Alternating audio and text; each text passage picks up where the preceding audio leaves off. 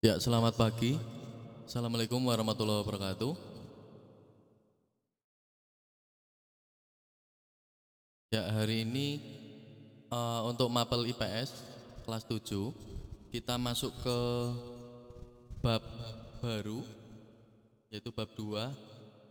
Materinya itu tentang interaksi sosial. Silakan untuk eh, teman-temannya yang lain bisa diberi info ya supaya segera bisa mengikuti siaran eh, radio untuk mapel IPS.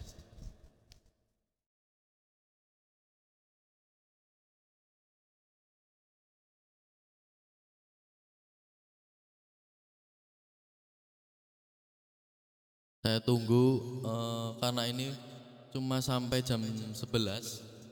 Saya tunggu 10 menit. Nanti untuk teman-temannya yang lain segera diberikan info untuk segera mengikuti siaran radio untuk mapel IPS pada hari ini.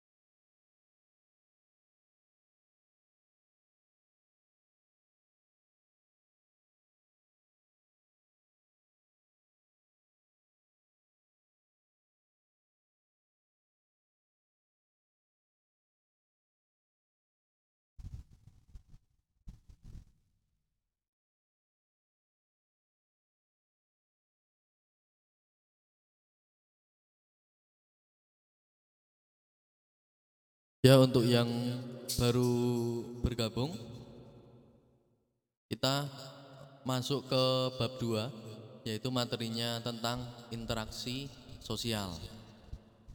Tuh kalau di kemarin di bab 1 itu kita materinya itu tentang geografi.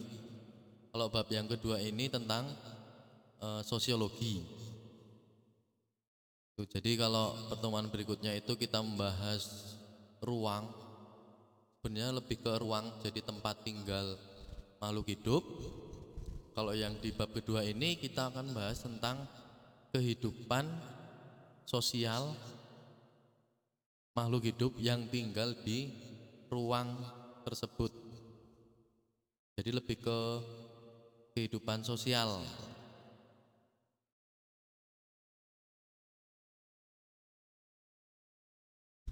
Untuk bab yang kedua ini itu ada sekitar empat subbab. Ya, ada empat subbab yang akan kita pelajari. Nanti yang pertama itu eh, tentang pengertian interaksi sosial dan syarat terjadinya interaksi sosial.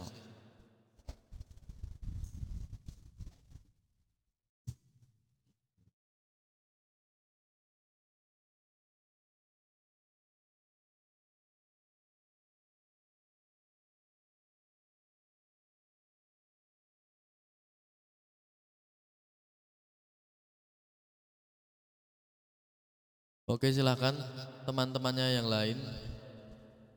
Segera dijawil untuk segera mengikuti siaran radio untuk mapel IPS karena akan segera saya mulai karena waktunya tidak banyak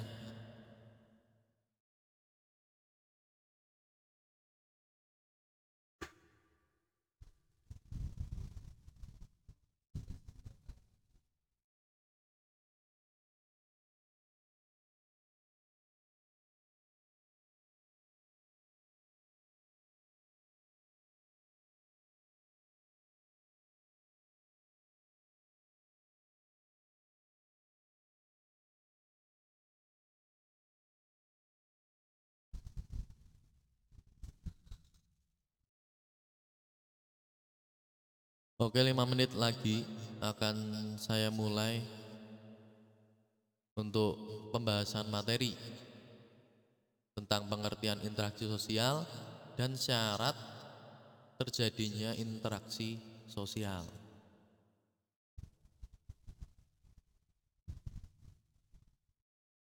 Untuk uh, PowerPoint-nya itu bisa kalian lihat di Classroom ya. Nah, itu yang ada di Classroom itu yang akan kita bahas. Jadi kalian bisa mendengarkan sekaligus bisa membaca materi yang sudah saya share di Classroom. Jadi mendengarkan sekaligus membaca itu akan uh, memancing otak kalian untuk lebih bekerja dengan baik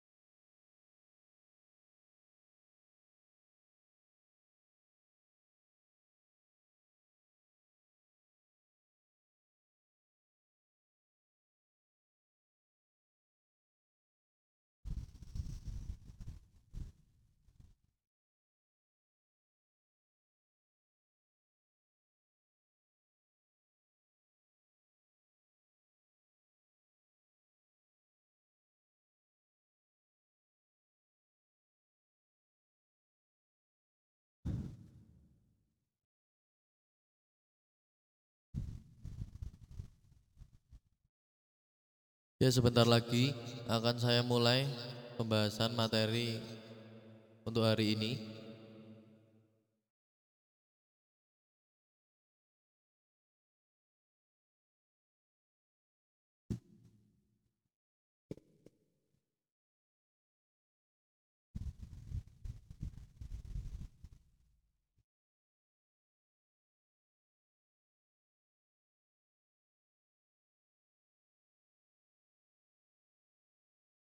Ya jadi uh, dengan adanya perubahan jadwal ini mungkin nanti kita akan lebih sering bertemu ya secara online, secara daring.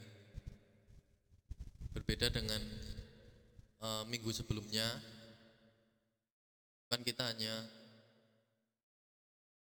bertemu dua kali itu pun serempak kalau ini sesuai dengan jadwal kelas masing-masing. Oke, akan saya mulai untuk pembahasan materi. Untuk yang baru bergabung, materinya itu bisa dilihat di Google Classroom.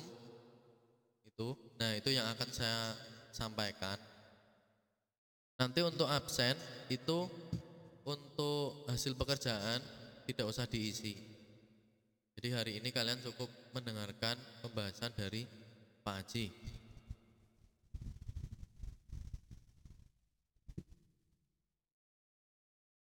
Ya untuk yang pertama akan kita bahas untuk slide pertama itu adalah pengertian itu judulnya pengertian dan syarat interaksi sosial. Nah untuk pengertiannya di slide yang kedua interaksi sosial interaksi belum ke interaksi sosial kita ke interaksi. Jadi interaksi itu hubungan timbal balik antara dua orang atau lebih. Jadi interaksi sosial itu interaksi adalah hubungan-hubungan antara orang per orangan jadi individu dengan individu.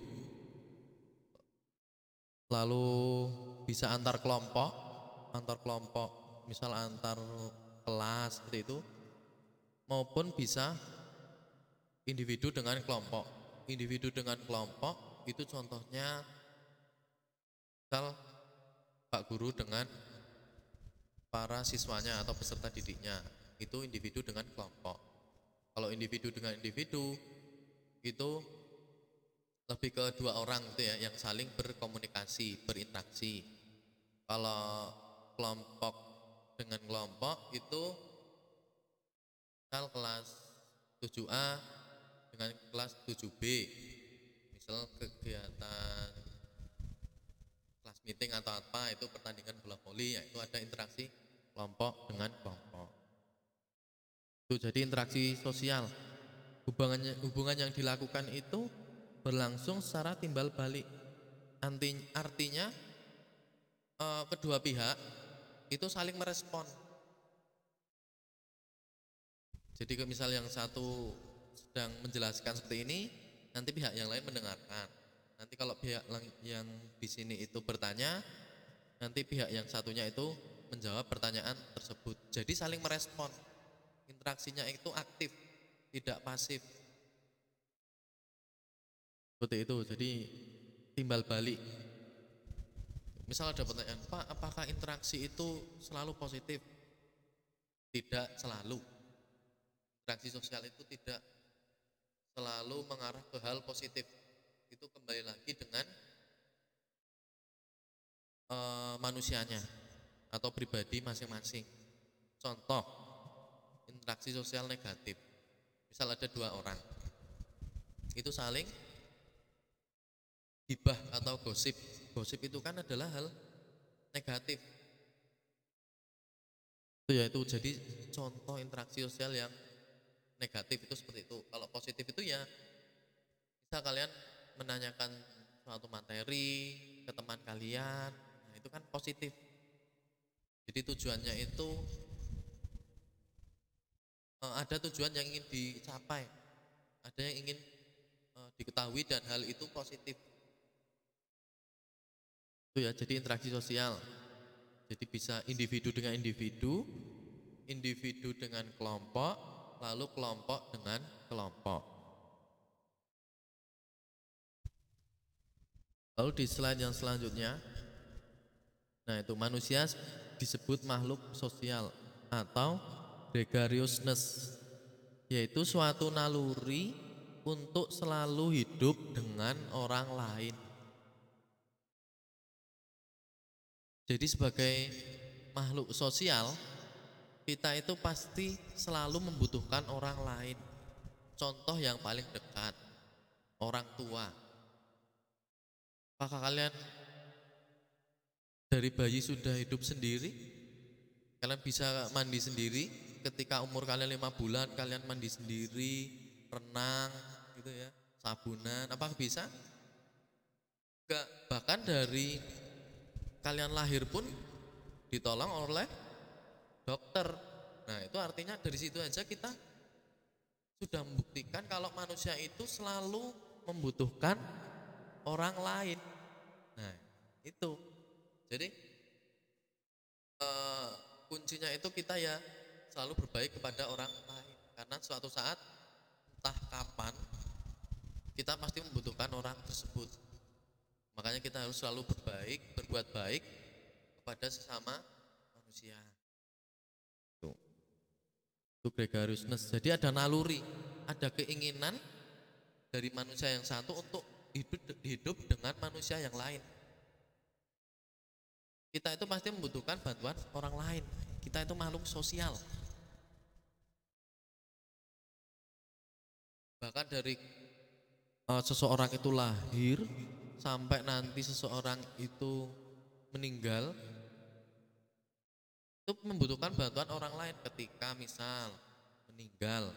Apakah orang yang bisa meninggal sudah bisa menyediakan liang lahatnya sendiri? Kan nggak mungkin. Itu pasti ada bantuan dari orang lain.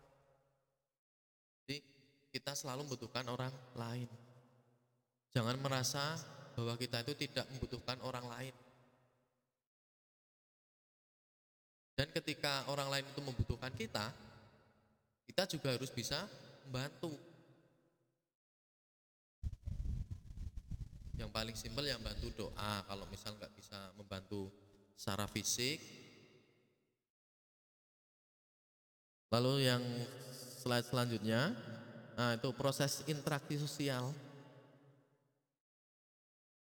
Itu terjadi kontak dan komunikasi.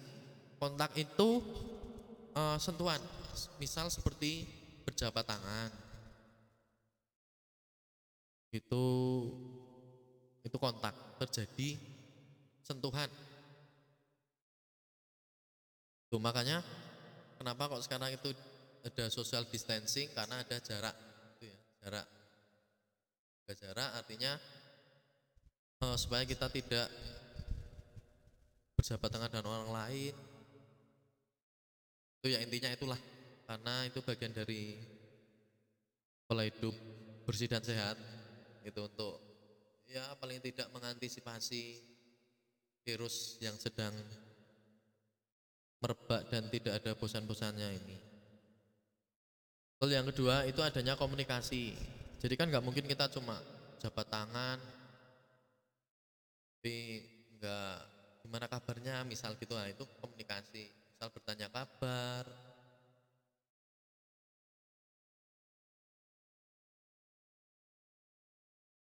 Ya, jadi syaratnya itu ada kontak dan komunikasi. Baik itu berjabat tangan, uh, hormat gitu ya, saling hormat. Misal kalau tentara itu salah satu contoh kontak. Nah, komunikasinya itu seperti ketika kita berbicara ataupun kita melempar senyum itu salah satu contoh bentuk komunikasi. Kalau melempar kursi itu salah satu bentuk emosi, itu ya, itu. Makanya di dalam pramuka itu kan dijelaskan supaya kita bisa mengendalikan emosi. Kenapa sih kita harus mengendalikan emosi? Karena ya itu tadi, agar kita tidak melempar kursi.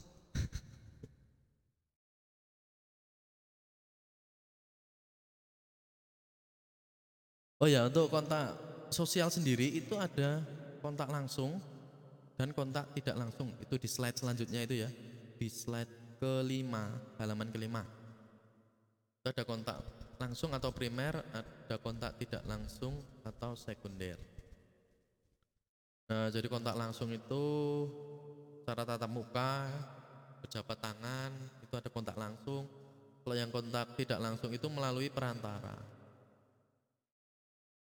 sebenarnya hampir sama dengan komunikasi karena kontak sosial kontak dan komunikasi itu sebenarnya untuk defisit definisinya itu 11 12 jadinya mirip-mirip yang slide selanjutnya itu komunikasi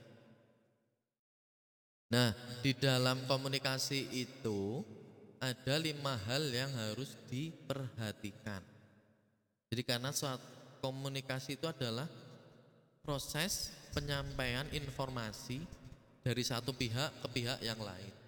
Contohnya seperti yang sedang Pak Haji lakukan. Ini kan dari pihak Pak Haji ke pihak kalian. Hal pertama yang harus diperhatikan yaitu adalah adanya komunikator.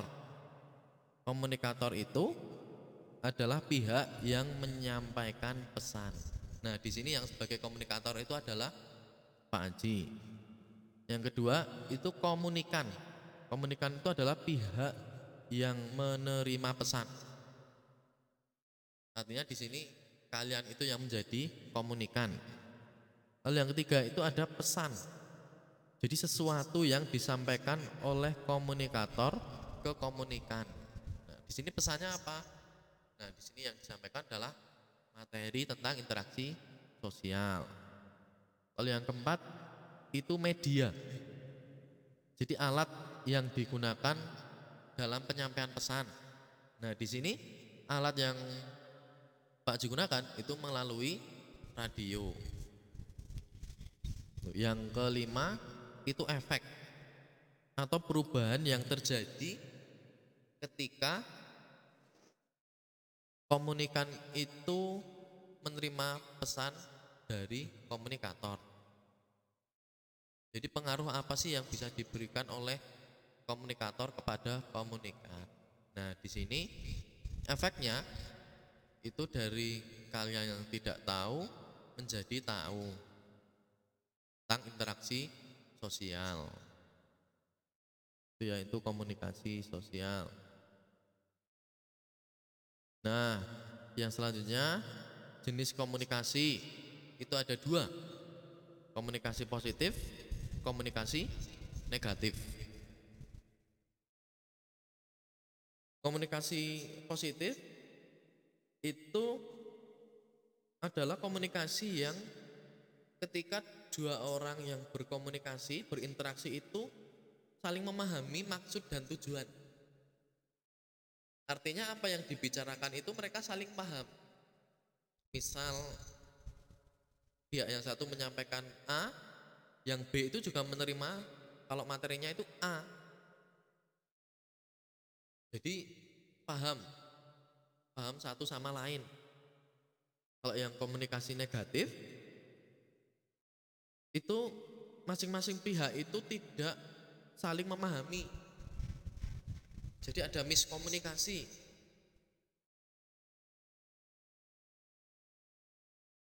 Tuh, jadi itu komunikasi negatif, jadi miskomunikasi.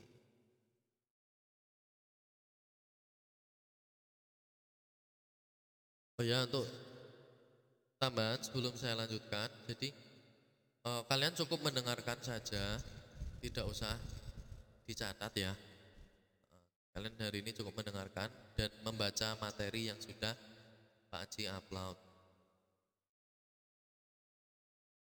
Itu dari komunikasi positif dan komunikasi negatif.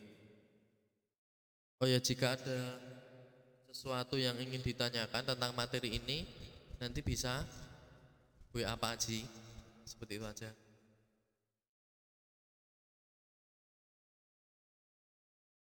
Yang selanjutnya, ah,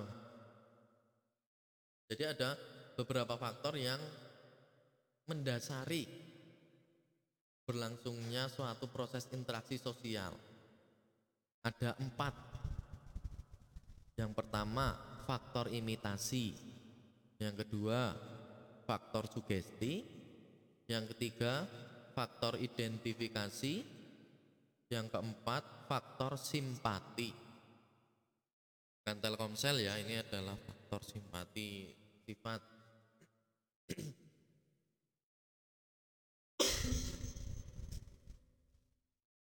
Yang pertama yang akan saya jelaskan yaitu adalah faktor imitasi. Jadi imitasi, faktor imitasi itu adalah faktor yang eh, paling tingkatnya tingkatannya paling rendah seperti itu ya. Jadi imitasi itu adalah proses meniru. Misal seseorang mencontoh orang lain atau kelompok lain. Contohnya, nah itu bisa kalian baca ya di materi yang sudah Pak Haji upload di classroom itu. Nah, contohnya seorang anak perempuan bermain masak-masakan karena melihat ibunya pada saat memasak di dapur. Nah, ketik eh, anak kecil itu mempunyai kunci yang sangat apa ya peran dari orang tua itu sangat vital itu ketika anak itu usia-usia tiga tahun lah tiga tahun ke sini sampai dia itu pintar meniru makanya apa yang dilakukan anak kecil usia lima tahunan itu biasanya karena dia melihat apa yang dia lihat dia meniru apa yang dia lihat makanya sekarang itu sangat disayangkan karena televisi itu banyak menyajikan hal-hal yang kurang bermanfaat. Di televisi itu kan paling paling banyak sinetron. gitu. Itu tidak bermanfaat. Ya, kembali lagi ke materi. Jadi faktor imitasi itu tingkatannya paling rendah. Jadi proses meniru imitasi bukan meniru tiruan. Jadi meniru orang lain. Misal bisa juga eh, anak kecil yang bermain bola itu biasanya karena melihat kayak pertandingan sepak bola. Jadi dia meniru. Yang selanjutnya itu faktor sugesti. Nah, kalau faktor sugesti itu eh, pengaruh dari pengaruh dari orang-orang lain yang menggerakkan seseorang. Contohnya itu ya, contohnya bisa dibaca, bisa dilihat. Seorang pasien itu yang sedang berobat di dokter, itu kan biasanya eh, diberi sugesti semoga lekas sembuh. Nah, semoga lekas sembuh itu adalah salah satu contoh kata-kata sugesti atau eh, kata-kata sugesti yang biasa dilontarkan oleh dokter kepada pasiennya supaya pasien tersebut itu nanti akan tergerak hatinya. Oh iya, setelah saya periksa, saya minum obat, nanti saya pasti sembuh. Nah, sebenarnya seperti itu. Karena dengan sugesti seperti itu, otomatis orang itu akan moodnya itu baik. Jadi dengan mood yang baik, otomatis imunitas itu juga akan naik. Nah, itu nanti akan mempercepat mempercepat penyembuhan. Itu faktor sugesti. Jadi pengaruh yang dapat menggerakkan hati orang lain. Ini hati loh, ini berat urusannya. Ya, jadi sugesti itu contohnya seperti itu. Eh, banyak sebenarnya contohnya bisa uh, kalian cari sendiri. Misal kayak orang tua yang memperingatkan anaknya, ayo belajar biar pintar. Nah, itu salah satu contoh kata-kata sugesti. Yang ketiga, itu faktor identifikasi yaitu merupakan kecenderungan atau keinginan dalam diri seseorang untuk menjadi sama dengan orang lain. Jadi faktor identifikasi ini hampir sama dengan imitasi. Kalau imitasi tadi kan dia meniru tapi tidak keseluruhan. Hanya aktivitas apa yang dilakukan. Nah, kalau identifikasi dia proses menirunya itu lebih detail. Detail dari cara berdandannya, berpakaian, mungkin dengan gaya rambutnya. Itu jadi faktor identifikasi itu proses menirunya itu lebih oh, kuat, lebih besar. Nah ini biasanya kalau anak-anak itu sudah dewasa karena mungkin punya idola yang laki-laki punya idola pemain sepak bola lalu yang perempuan misal punya idola. Apa ya kalau perempuan? Artis perempuan siapa? Misalnya terlalu hafal dengan dunia. Misal ada idola yang ingin kalian tiru. Cuma kadang kalau kita terlalu meniru orang lain itu ya juga tidak baik. Artinya kita nanti akan lupa dengan jati diri kita sendiri. Nanti ketika kita terlalu sering meniru idola kita, nanti kita akan lupa siapa diri kita sebenarnya. Makanya kan ada pepatah bilang jadilah diri sendiri. Karena ketika kita menjadi diri kita sendiri ya, kita akan yakin dengan apa yang akan kita lakukan, dengan apa yang akan kita capai, itu kita selalu yakin dengan diri kita sendiri.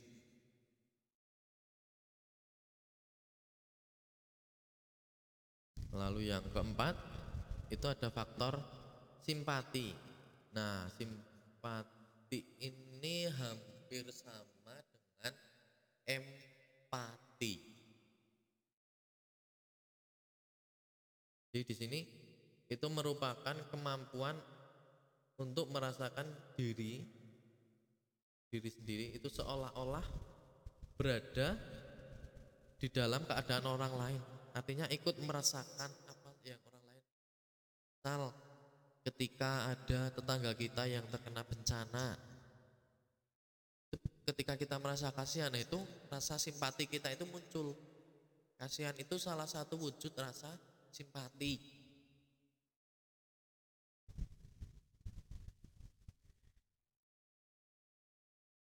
Ya itu simpati.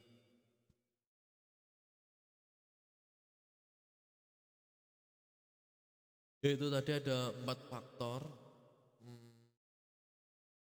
yang mendorong terjadinya interaksi sosial atau berlangsungnya interaksi sosial ada empat ada faktor imitasi sugesti identifikasi dan simpati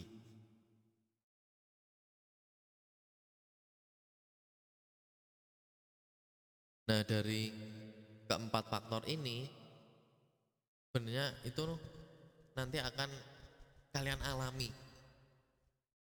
Karena ini berkaitan dengan kehidupan sosial. Kehidupan sosial kita di masyarakat. Nanti ketika kalian sudah dewasa sudah seumuran Pak Haji nanti kalian akan merasakan hidup di lingkungan masyarakat itu seperti apa bergaul dengan orang-orang yang lebih tua, yang lebih sepuh seperti apa. Nanti kalian bisa membedakan mana yang baik, mana yang tidak baik bagi diri kalian. Contohnya dengan bergaul. Ketika kalian bergaul dengan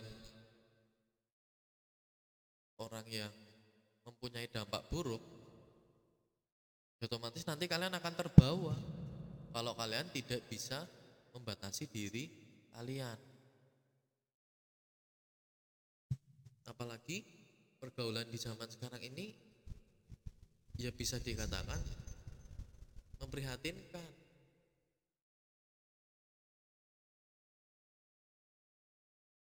Bukan kok di sini Pak Haji apa ya?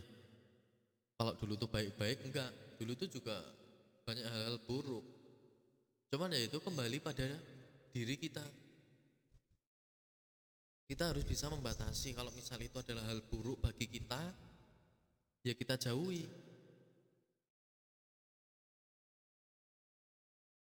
Karena ya itu cuma kita yang bisa mengontrol. Dan orang tua sebenarnya. Karena memang di dalam lingkungan keluarga itu orang tua itu sangat memegang peranan penting dalam pengendalian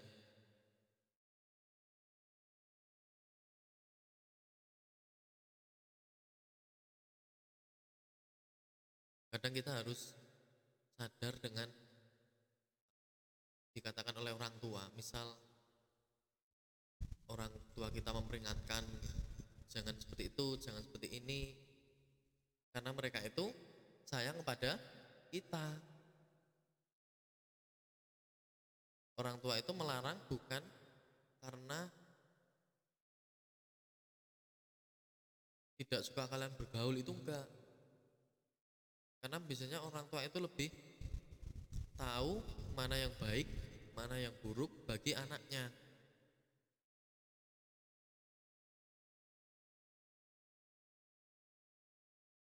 Jadi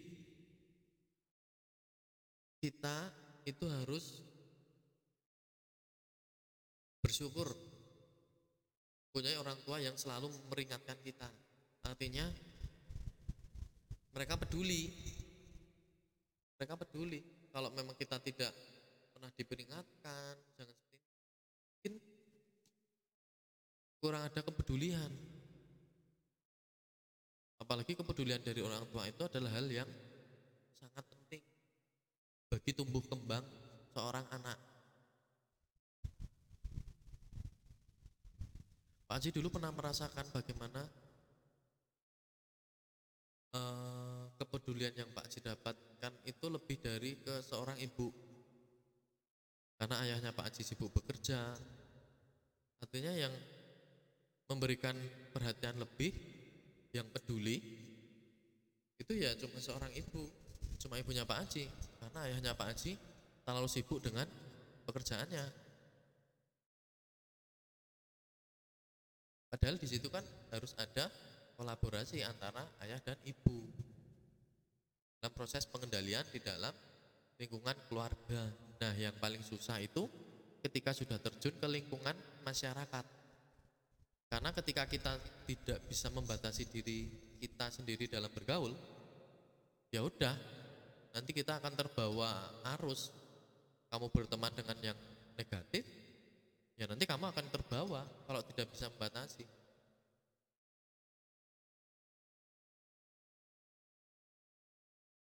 Nanti ketika kalian sudah dewasa sudah besar mungkin sudah seusia apa sih mungkin kalian akan menyadari menyadari oh iya yang di eh, apa disampaikan oleh Pak Guru itu tak benar. Karena memang dari beberapa hal itu adalah sebuah pengalaman. Tuh seperti itu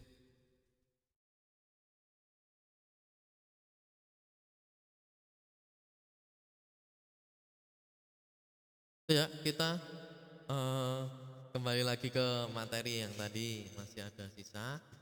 Tadi sedikit obrolan-obrolan itu ya supaya ya kalian paham lah paling tidak karena kita tidak bisa bertemu secara langsung. Pak Haji juga sedikit kesusahan kalau ada materi seperti ini.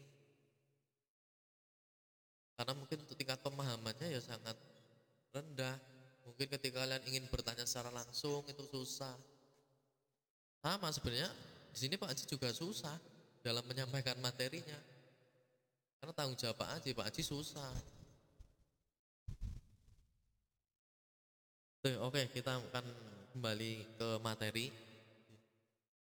Jadi daripada kita terlalu banyak cerita. Oke, itu tadi ya. Jadi proses interaksi sosial akan berlangsung secara baik dengan adanya kontak dan komunikasi. Misal kita berjabat tangan, kita jabat tangan sambil, hei, dia kabarmu? Itu komunikasi.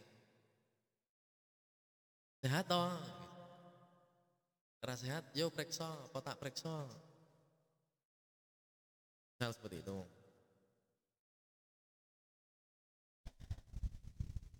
Apalagi sekarang komunikasi itu kan bisa lewat HP, lewat WA.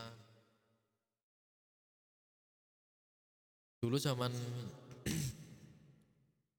Pak Haji, Pak Haji SMP itu megang HP itu kelas 2.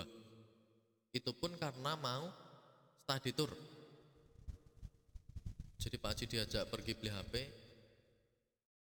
Ayahnya Pak Haji. Kan Pak saat itu mau study tour ke Jakarta nyoleh tak tuh kok ke HP. Ngundak hilang neng Jakarta. Itu artinya itu pertama kali Pak Haji megang HP karena mau study tour katanya takut hilang gitu ya. hilang nanti bisa telepon temennya yang lain kalau sekarang kan kalian mungkin sudah dari SD megang HP dan karena memang untuk saat ini juga HP itu sangat vital yang mendukung proses pembelajaran.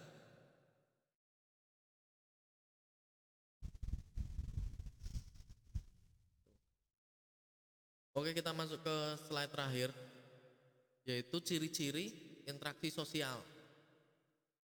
Sedikit akan terlewatkan tadi. Jadi ciri-cirinya, ciri-ciri interaksi sosial jumlah pelakunya atau yang melakukan interaksi itu lebih dari satu orang, biasanya dua atau lebih. Kalau interaksi cuma sosok, cuma satu orang, cuma diri sendiri, ya itu bisa kalian simpulkan sendiri. Lalu yang kedua, itu berlangsung secara timbal balik, artinya saling merespon. Yang satu tanya, yang satu jawab. Jadi ada respon, saling merespon. Yang ketiga, adanya komunikasi antar pelaku dengan menggunakan simbol-simbol yang disepakati. Di sini simbol-simbol yang disepakati itu uh, misalnya maaf ya, misal ada seorang yang mungkin tunanetra atau tunarungu itu kan menggunakan simbol-simbol yang yang sudah mereka pahami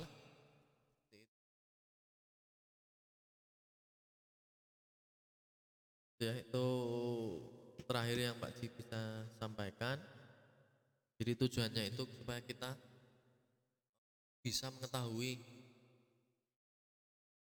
nah, kalian bisa mengetahui pengertian dari interaksi sosial. Yang kedua kalian bisa mengetahui syarat-syarat terjadinya interaksi sosial.